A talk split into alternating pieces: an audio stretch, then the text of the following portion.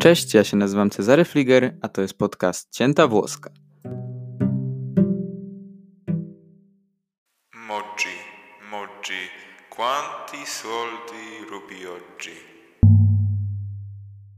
Przed chwilą mieliście przyjemność usłyszeć popis Włoszczyzny w moim wykonaniu. Jest to przyśpiewka kibiców Torino odnosząca się do postaci dzisiejszego odcinka, postaci, która wzięła udział w całej aferze, której, o której dzisiaj sobie opowiemy.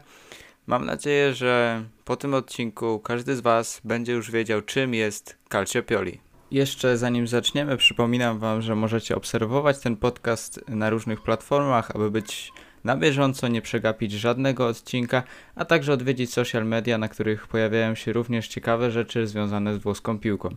Teraz już nie przedłużając, przejdźmy do tematu odcinka. Nie po raz pierwszy w podcaście przenosimy się w przeszłości. Dzisiaj trafiamy do Niemiec, w których w 2006 roku były rozgrywane Mistrzostwa Świata. W półfinale gospodarze tego turnieju mieli za zadanie pokonać Włochów, którzy w znakomitym stylu awansowali do półfinału. Włosi wygrali tamto spotkanie. Katem Niemców okazał się Alessandro Del Piero i mogłoby się wydawać, że Italia oszalała, ponieważ zespół odniósł znakomity sukces. Tak się jednak nie stało, bowiem w tym dniu prokurator Stefano Palacci będzie zażądał przed sądem następujących kar. Minus 6 punktów dla Juventusu i degradacja do Serie C także pozbawienie dwóch tytułów z 2005 i 2006 roku. Minus 3 punkty dla Milanu i degradacja do Serie B. Po minus 15 punktów dla Lazio i Fiorentiny oraz degradacja do Serie B. Włochom w tamtym roku udaje się wygrać Mistrzostwo Świata. Po pamiętnym finale pokonują Francuzów po serii rzutów karnych. Jednak w Italii nikt nie myśli o tym, że ich ekipa jest najlepsza na świecie bowiem zmagają się z zupełnie innymi problemami, a ich ukochane drużyny stoją pod znakiem zapytania i nie wiadomo, czy będą nadal reprezentowały się w rozgrywkach Serie A. Duch sportu? Ha, i fair play. To coś, o czym we Włoszech nikt nie słyszał. Cała afera Calciopioli dotyczyła wywierania presji, a także kontaktów z sędziami, wybierania poszczególnych arbitrów na poszczególne spotkania, a także manipulowanie rynkiem transferowym, które było niezwykle istotne w przypadku, kiedy mieliśmy do czynienia z tak wielkimi markami. Jednak głównym architektem całego planu był nie kto inny, jak wspomniany już przeze mnie Luciano Moggi. 10 lutego 1937 roku przychodzi na świat jeden z najbardziej kontrowersyjnych działaczy we włoskim futbolu. Luciano Moggi nie od razu był związany z piłką nożną, bowiem pracował jako młody chłopak jako kierownik stacji kolejowej. Jednak cały czas tliło się w nim marzenie o tym, żeby wejść do świata calcio i w roku 1973 roku zatrudnia go Juventus. Następnie przewija się przez takie ekipy jak Lazio, Torino czy też Roma. Został cenionym scoutem, który był uznawany za niejako kreatora nowych gwiazd, bowiem odkrywał bardzo młode talenty i robił z nich zawodników klasy światowej.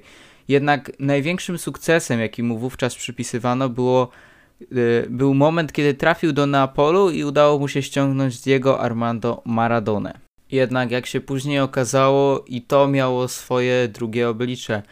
W tej całej transakcji uczestniczyła organizacja przestępcza, neapolitańska organizacja przestępcza i możemy na tej podstawie wnioskować, że Luciano Moggi zaprezentował wówczas wachlarz swoich możliwości oraz to, w jaki sposób zamierza prowadzić kluby, które zdecydują się go zatrudnić. Pozycja Luciano Moggiego rosła w zatrważającym tempie i wydaje mi się, że przewyższała jego największe oczekiwania. E, w tym samym czasie syn Alessandro zostaje również scoutem. Luciano Moggi, e, pomimo tego, że pozostawał do tego czasu krystalicznie czysty, zaczyna być przyłapywany na spotkaniach z arbitrami, co zaczyna budzić spore kontrowersje oraz spore podejrzenia. I już wtedy mogliśmy mieć pewne przesłanki, jak będzie wyglądać przyszłość oraz to, jak Luciano Moggi może zmienić włoski futbol. Po dwóch tytułach zdobytych z drużyną spod Wezuwiusza, Luciano Moggi, który był architektem tego sukcesu i bez wątpienia jego wkład był tutaj nieoceniony, e, zaczyna być obiektem zainteresowań wielu innych włoskich klubów, szczególnie tych topowych, takich jak Inter, AC Milan czy Juventus. I to właśnie do Juventusu przenosi się Luciano Moggi w charakterze dyrektora generalnego. Rodzina Angelich decyduje się zatrudnić człowieka, który swoją aparycją, a także swoim wyglądem zupełnie nie pasuje do marki klubu. Jednak Juventus po 9 latach posłuchy potrzebował mistrzostwa na już, e, bowiem przeżywał wtedy dość znaczący kryzys, patrząc przez pryzmat historii.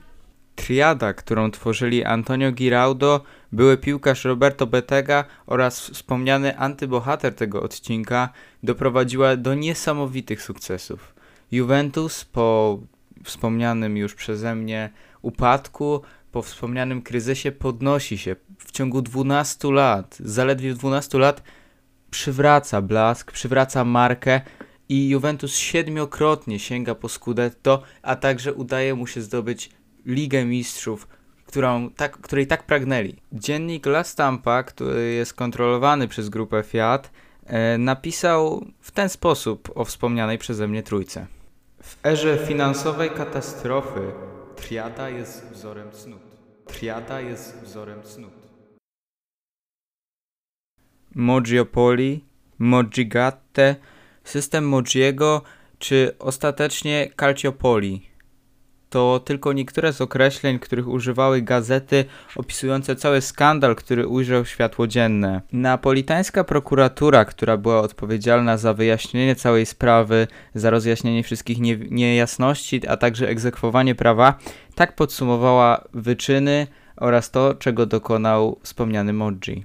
System przypominający piramidę władzy, charakteryzującej się nie tylko wewnętrzną siłą, ale również bazującej na sojuszach zarządów wielkich klubów, agentów piłkarskich i arbitrów. Na samym szczycie tej piramidy znajdował się oczywiście nie kto inny jak Moggio. Moggio, który, jak można się domyślać, nie uniknął kary, nie uniknął konsekwencji, już 6 maja Luciano Moggi wraz ze swoim synem zostali poinformowani, że wszczęto przeciwko nim postępowanie dotyczące sezonu piłkarskiego 2004-2005. Pod lupą znajdowali się również inni y, sędziowie, działacze, osoby, które były odpowiedzialne za wybór poszczególnych arbitrów do konkretnych meczów. W dzisiejszym odcinku dużo przytaczamy sobie słów, ale są one naprawdę niezwykle ważne i niezwykle istotne, ale te, które teraz powiem, oj, jest mi za nie niezwykle wstyd, bowiem Roberto Mancini, e, który był ówczesnym trenerem Interu, e, wyrzekł takie słowa, które po jakimś czasie, do czego też przejdziemy, okażą się niemal irracjonalne oraz okażą się wielką, wielkim kłamstwem, wielką bzdurą i na zawsze splamią honor Interu i okaże się, że Inter nigdy nie był do końca czysty. Zrobili nas wszystkich w wała. Powiedzmy sobie szczerze, to największy skandal w historii światowej piłki nożnej. Oni nas robili w wała. Kto kogo w wała zrobił, jest zupełnie innym tematem, do którego oczywiście przejdziemy, ale wracając już stricte do samego problemu, e, trzeba podkreślić, że w całą aferę nie byli tylko zamieszani działacze Juventusu, ale wspomnieni już przeze mnie e, członkowie aktu oskarżenia kierowanego na, z napolitańskiej prokuratury, czyli oczywiście Milan, Fiorentina i Lazio oraz inne nieco mniej znaczące kluby, nieco mniejsze ale poza piłką, można powiedzieć, znalazły się także takie postacie jak policjanci, prokuraturzy, policja skarbowa, skarbowa członkowie rodziny Nahelich naturalnie, czyli właściciele Juventusu, a także sam trener reprezentacji Włoch, czyli Marcelo Lippi. Ze względu na inną aferę, która wybuchła nieco wcześniej, w roku 2004, e, o której na pewno też będziemy niedługo rozmawiać, e, Postanowiono, że w telefonach Luciana Mądrzego założy, założy się podsłuch. Przez 8 miesięcy dokonano transkrypcji 100 tysięcy rozmów telefonicznych. Jak się domyślacie, nie dzwonił ani na telepizzę, ani e, do swojej żony lub kochanki, e, tylko dokonywał rozmów sędziowskich. I tutaj myślę, że bardzo ciekawa. Niestety musiałem część wypikać, ponieważ zawierała ona przekleństwa, ale posłuchajcie sami, w jaki sposób, e, w jakim językiem prowadzona była mm, ta rozmowa i jak inteligentnie była ona prowadzona w taki sposób, że nawet dzisiaj, kiedy wyciekły już oczywiście informacje i jesteśmy świadomi tego, e, że doszło do naruszenia prawa oraz do ustawiania meczy, to i tak e, nie można tego jednoznacznie stwierdzić. Gigi, jakiego ty nam k***wa przysłałeś sędziego? Fandel? On jest numerem jeden. To topowy sędzia. Jasne, ale nieuznany gol Micio Legiego był prawidłowy. Nie, cała akcja wydarzyła się tuż przed nim. O czym ty mówisz? Nie była naprzeciwko niego. Cały mecz był jedną wielką katastrofą. Ech, wiesz, to jest naprawdę jeden z lepszych sędziów. Powiem ci, że on naprawdę d***ał to spotkanie. Rewanż w Sztokholmie musi być zabezpieczony. Wynędzy ten, me ten mecz y, musi być czysty. Nie, musimy wygrać. Ale z takimi sędziami jak Fantel będzie to nieco trudne, tak? Rozumiesz. A na Messinę przyszli mi Consolo i Bataglię. Może z Cassarą. Już to jest zrobione. Będzie Consolo z Battaglią. Nawet przydzieliłem sprzyjającego sędziego na Livorno. W Livorno Rocci, tak? Tak. A na mecz, mecz z Milanem, musi być Pierri. Jak możecie usłyszeć, nie ma tutaj mowa, mowy o pieniądzach, nie ma tutaj mowy o żadnej korupcji, aczkolwiek jest ona dość oczywista. Żaden sędzia, y, żaden desygnator sędziów nie pozwoliłby sobie na coś takiego jak darmowe ustawianie meczów. To po prostu tak nie działa w futbolu. A teraz druga rozmowa, równie istotna, poprowadzona pomiędzy Pierluigi Pairettą, który przed chwilą rozmawiał z panem Mogim, a innym sędzią, mniej istotnym mniej istotne jest to, jak on się nazywał, ale posłuchajcie, jaki charakter miała ta rozmowa i jak ona wyglądała. Mówię ci, Donda, poprowadź ten mecz dobrze. Sam wiesz, że zawsze są pewne szczegóły. Dokładnie. Dlatego miej 50 oczu szeroko otwartych, żeby czasem zobaczyć również to, czego nie ma. Wiem, że będziesz sędziował bardzo dobrze. Rozmowy takie jak te Luciano Moggi prowadził prawdopodobnie kilka, kilkanaście razy dziennie. Jest to tym bardziej niesamowite, w jaki sposób jeden człowiek potrafił poustawiać właściwie przebieg całej ligi na przestrzeni 12 lat. E, jest to do dzisiaj jedna z największych, e, jeden, jeden z największych przekrętów, jakich dokonał się w profesjonalnym futbolu. Myślę, że do tego nie muszę Was przekonywać, ale właśnie. Tak jak już wspomniałem, około 100 tysięcy przeprowadzono takich rozmów. Jednak e, władze, którym zostały przekazane te rozmowy, stwierdziły, że właściwie to ten Moji to taki fajny chłopak, zawsze dzień dobry na klatce mówił, więc odpuszczamy temat i liczymy na to, że on po prostu umrze śmiercią naturalną. Oczywiście tak się nie stało. Włosi są pamiętliwi i nie chcieli po prostu tak zostawić całej tej sprawy. Tym bardziej, że kary, jakie poniosły poszczególne zespoły, ostatecznie były najdotkliwsze w historii całego Calcio. Trzeba Włochom przyznać, że cała ta sytuacja została dosyć szybko ogarnięta, bowiem już 27 października 2006 roku, po serii odwołań, które złożyły kluby, e, postanowiono, że Juventus e, z dorobkiem minus 9 punktów na start zagra w Serie B. E, ostatecznie Fiorentina została oczyszczona ze wszelkich zarzutów, AC Milan zaczynał sezon z minus 8 punktami i Lazio z minus 3 punktami. Nie ulega wątpliwości fakt, że to zespół Bianconeri był najbardziej pokrzywdzonym w całej aferze. Wynikało to z prostego faktu, że Luciano Moggi był wówczas dyrektorem generalnym Juventusu i z tego tonącego statku zdecydowało się uciec paru ważnych zawodników stanowiących o sile starej damy, e, jak choćby Emerson, Gianluca Zambrotta, Zlatan Ibrahimowicz, Patrick Vieira, Adrian Muttu, Fabio Cannavaro, Lilian Turam, no, czyli wielkie nazwiska, które postanowiły, że nie chcą kontynuować e, kariery w takim klubie. E, jednak pozostała pewna piątka, piątka, na której starano się odbudować renomę Juventusu, Gianluigi Buffon, Paweł Nedved, Mauro Camoranesi, Marcelo Zalajetta czy Dawid Trezeguet odgrywali niezwykle, niezwykle istotną rolę w powrocie do elity i przywróceniu blasku Juventusowi. Wracając jeszcze na chwilę do samych początków afery, do momentu, kiedy cała sprawa ujrzała światło dzienne, e, do dymisji podał się Franco Carraro, ówczesny prezydent włoskiej Federacji Piłkarskiej.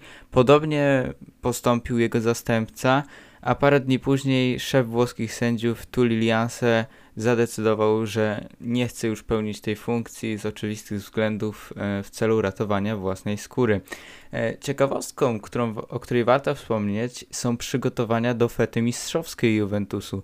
Pomimo wycieknięcia oczywistych już faktów oraz tego, że jasną rzeczą było dla wszystkich, że Juventus no, nie otrzyma tytułu na pewno za sezon 2005-2006 e, wątpliwości dotyczyły także poprzedniego sezonu, e, to mimo wszystko e, zarówno zawodnicy, jak i część kibiców postanowiła do tej fety się przygotować. Klub zorganizował wszystkie niezbędne rzeczy, takie jak autobus, przebieg trasy itd. Tak I po ostatnim meczu rozegranym 14 maja, jak gdyby nigdy nikt miała zacząć się feta. Oczywiście kibice z Turynu nie, nie byli tak aż tak naiwni i i postanowili e, w większości pozostać w domach, choć niektórzy młodzi kibice na ulicach Turynu świętowali. Myślę, że o tym warto też wspomnieć, bo e, paradoksalnie we Włoszech e, uważano, że jakby feta mistrzowska jest rzeczą świętą i Juventus, Juventus chciał po prostu ją zorganizować. No, de facto wygrał mistrzostwo.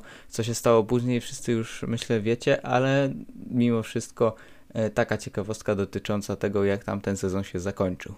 Kolejnym ważnym punktem była sprawa G World, czyli agencji piłkarskiej, e, która niejako pomagała Modziemu i jego przyjaciołom e, na rynku transferowym, kontrolowała większość transakcji. W jej szeregach występowało wielu, wielu wpływowych ludzi, wielu potomków bądź pokrewieństwo wpływowych osób piłkarskich.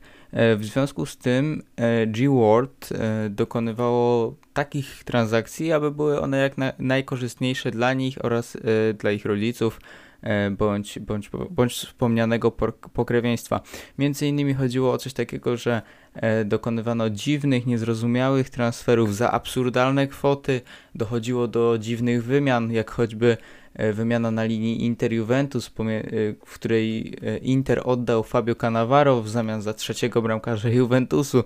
No, z perspektywy czasu jest to oczywiście niedorzeczne, ale wówczas było to na porządku dziennym.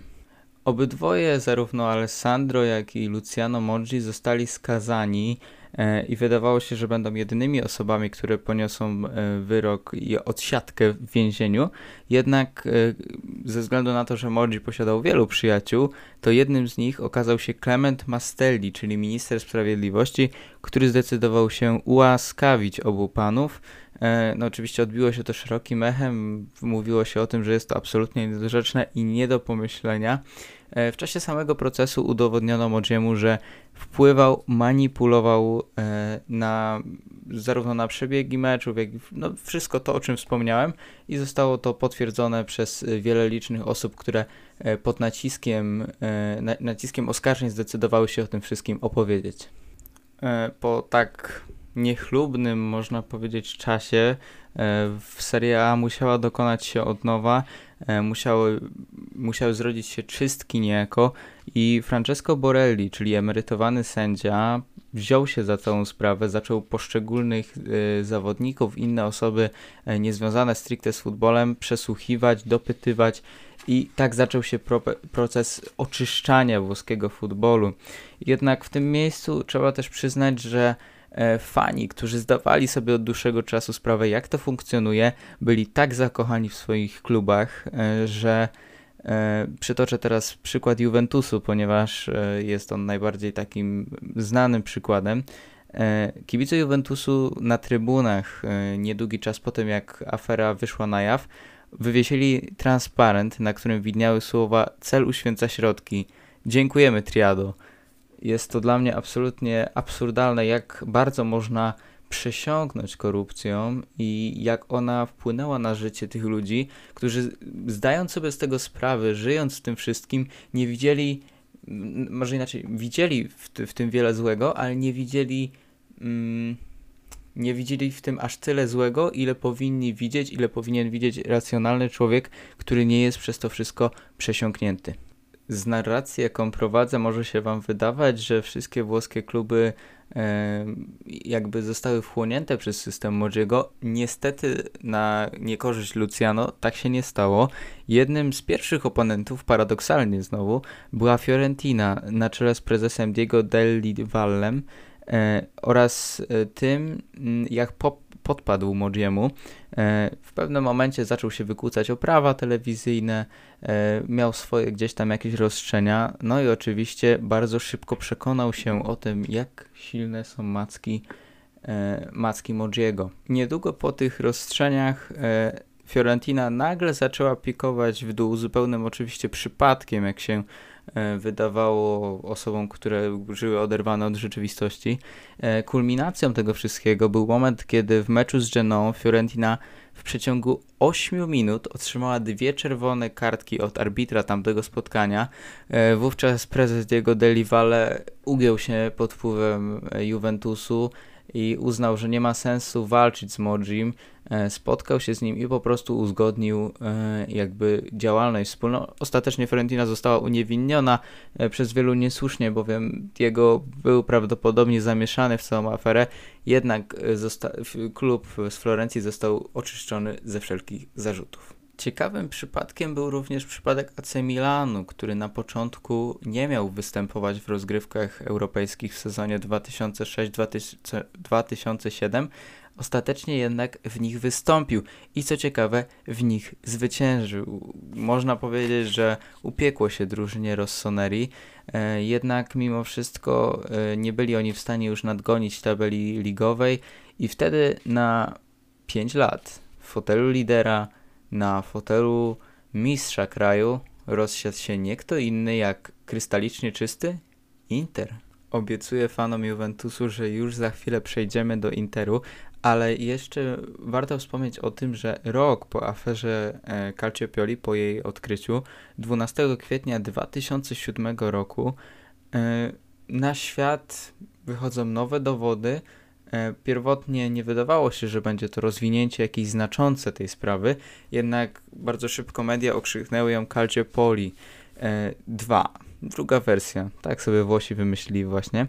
E, I paradoksalnie ona była dużo bardziej owocna w pracach i była, do, doty, doty, dotyczyła dużo bardziej skomplikowanych mechanizmów, E, oraz dużo większych przekrętów, bowiem to wtedy właśnie ujawniono, że e, Luciano Moggi zakupywał sekretne karty SIM, które miały być niewykrywalne e, z terenów Szwajcarii i Liechtensteinu i niejako mm, pogrążył jego osobę.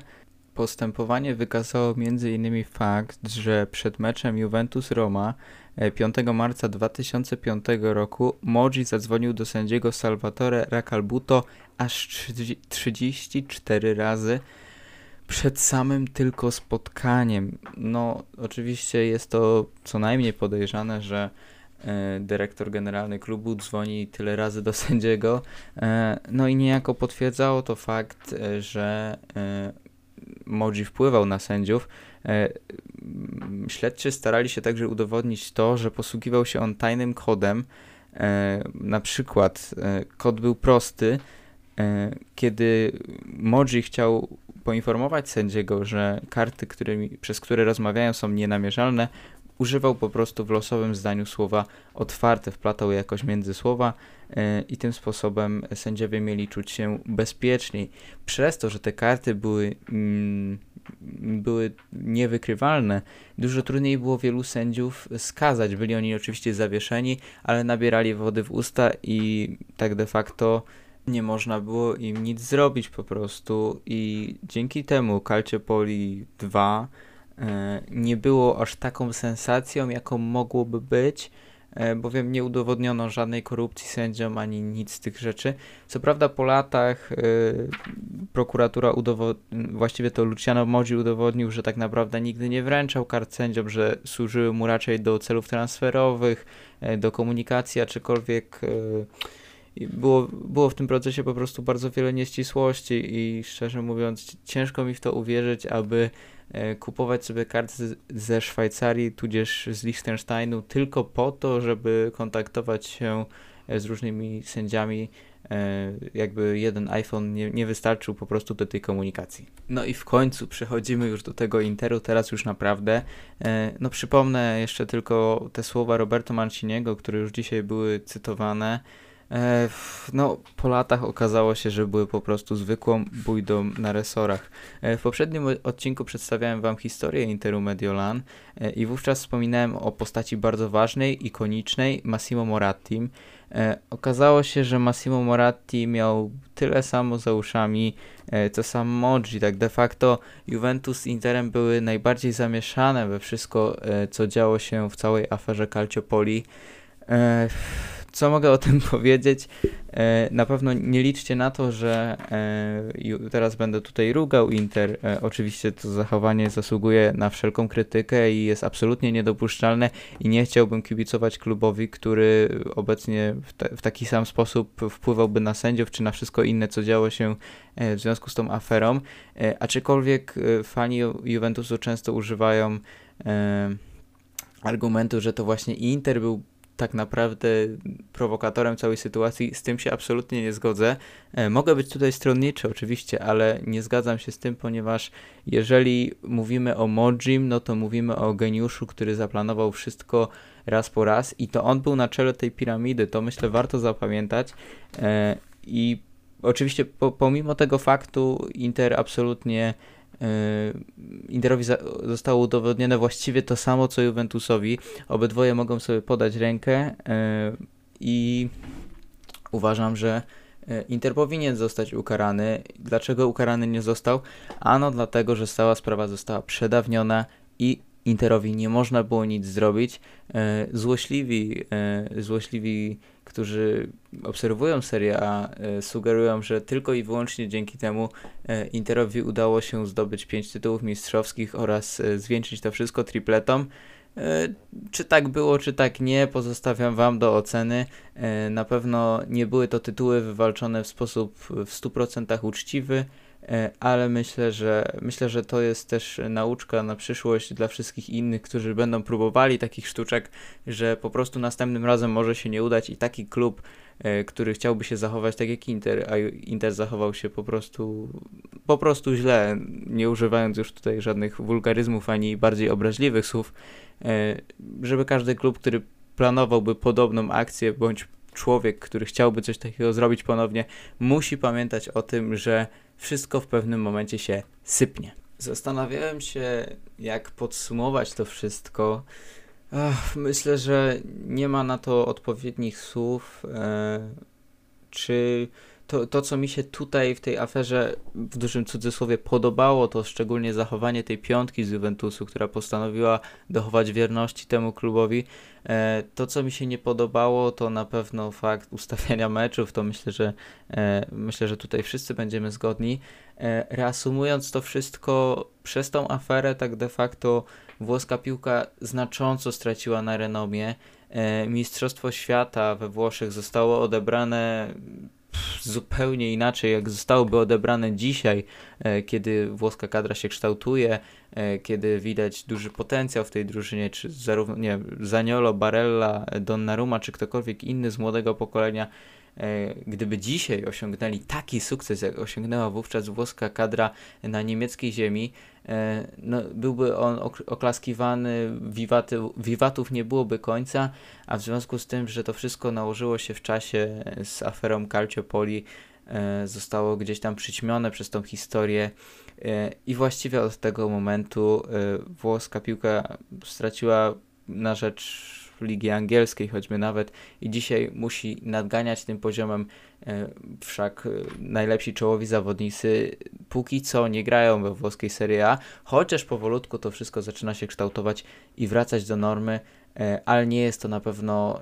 taka różnica poziomów, jak wyglądała kiedyś, gdzie Serie A była na pierwszym miejscu, a potem było długo, długo nic. Dziękuję Wam bardzo serdecznie, jeżeli dotrwaliście do tego momentu. E, Mam nadzieję, że osoby, które nie miały żadnej wiedzy na temat Calciopoli, wyniosły dzisiaj coś z tego materiału, e, a osoby, które znają tą historię bardzo dobrze, poszerzyły swoją wiedzę o jakąś ciekawostkę, czy choćby drobną informację. E, Myślę, że po takim materiale, po takiej dawce wiedzy jesteście w stanie dużo więcej powiedzieć o tym, jak wyglądał jeden z największych skandali w całej historii pił piłc- piłki nożnej. E, Ja się z Wami żegnam, dziękuję Wam bardzo jeszcze raz. E, Zachęcam Was także do przesyłania mi wiadomości głosowych e, w linku, w linku, który znajdziecie w opisie, a także do odwiedzania social mediów. Ja się z Wami żegnam, do zobaczenia za tydzień, cześć.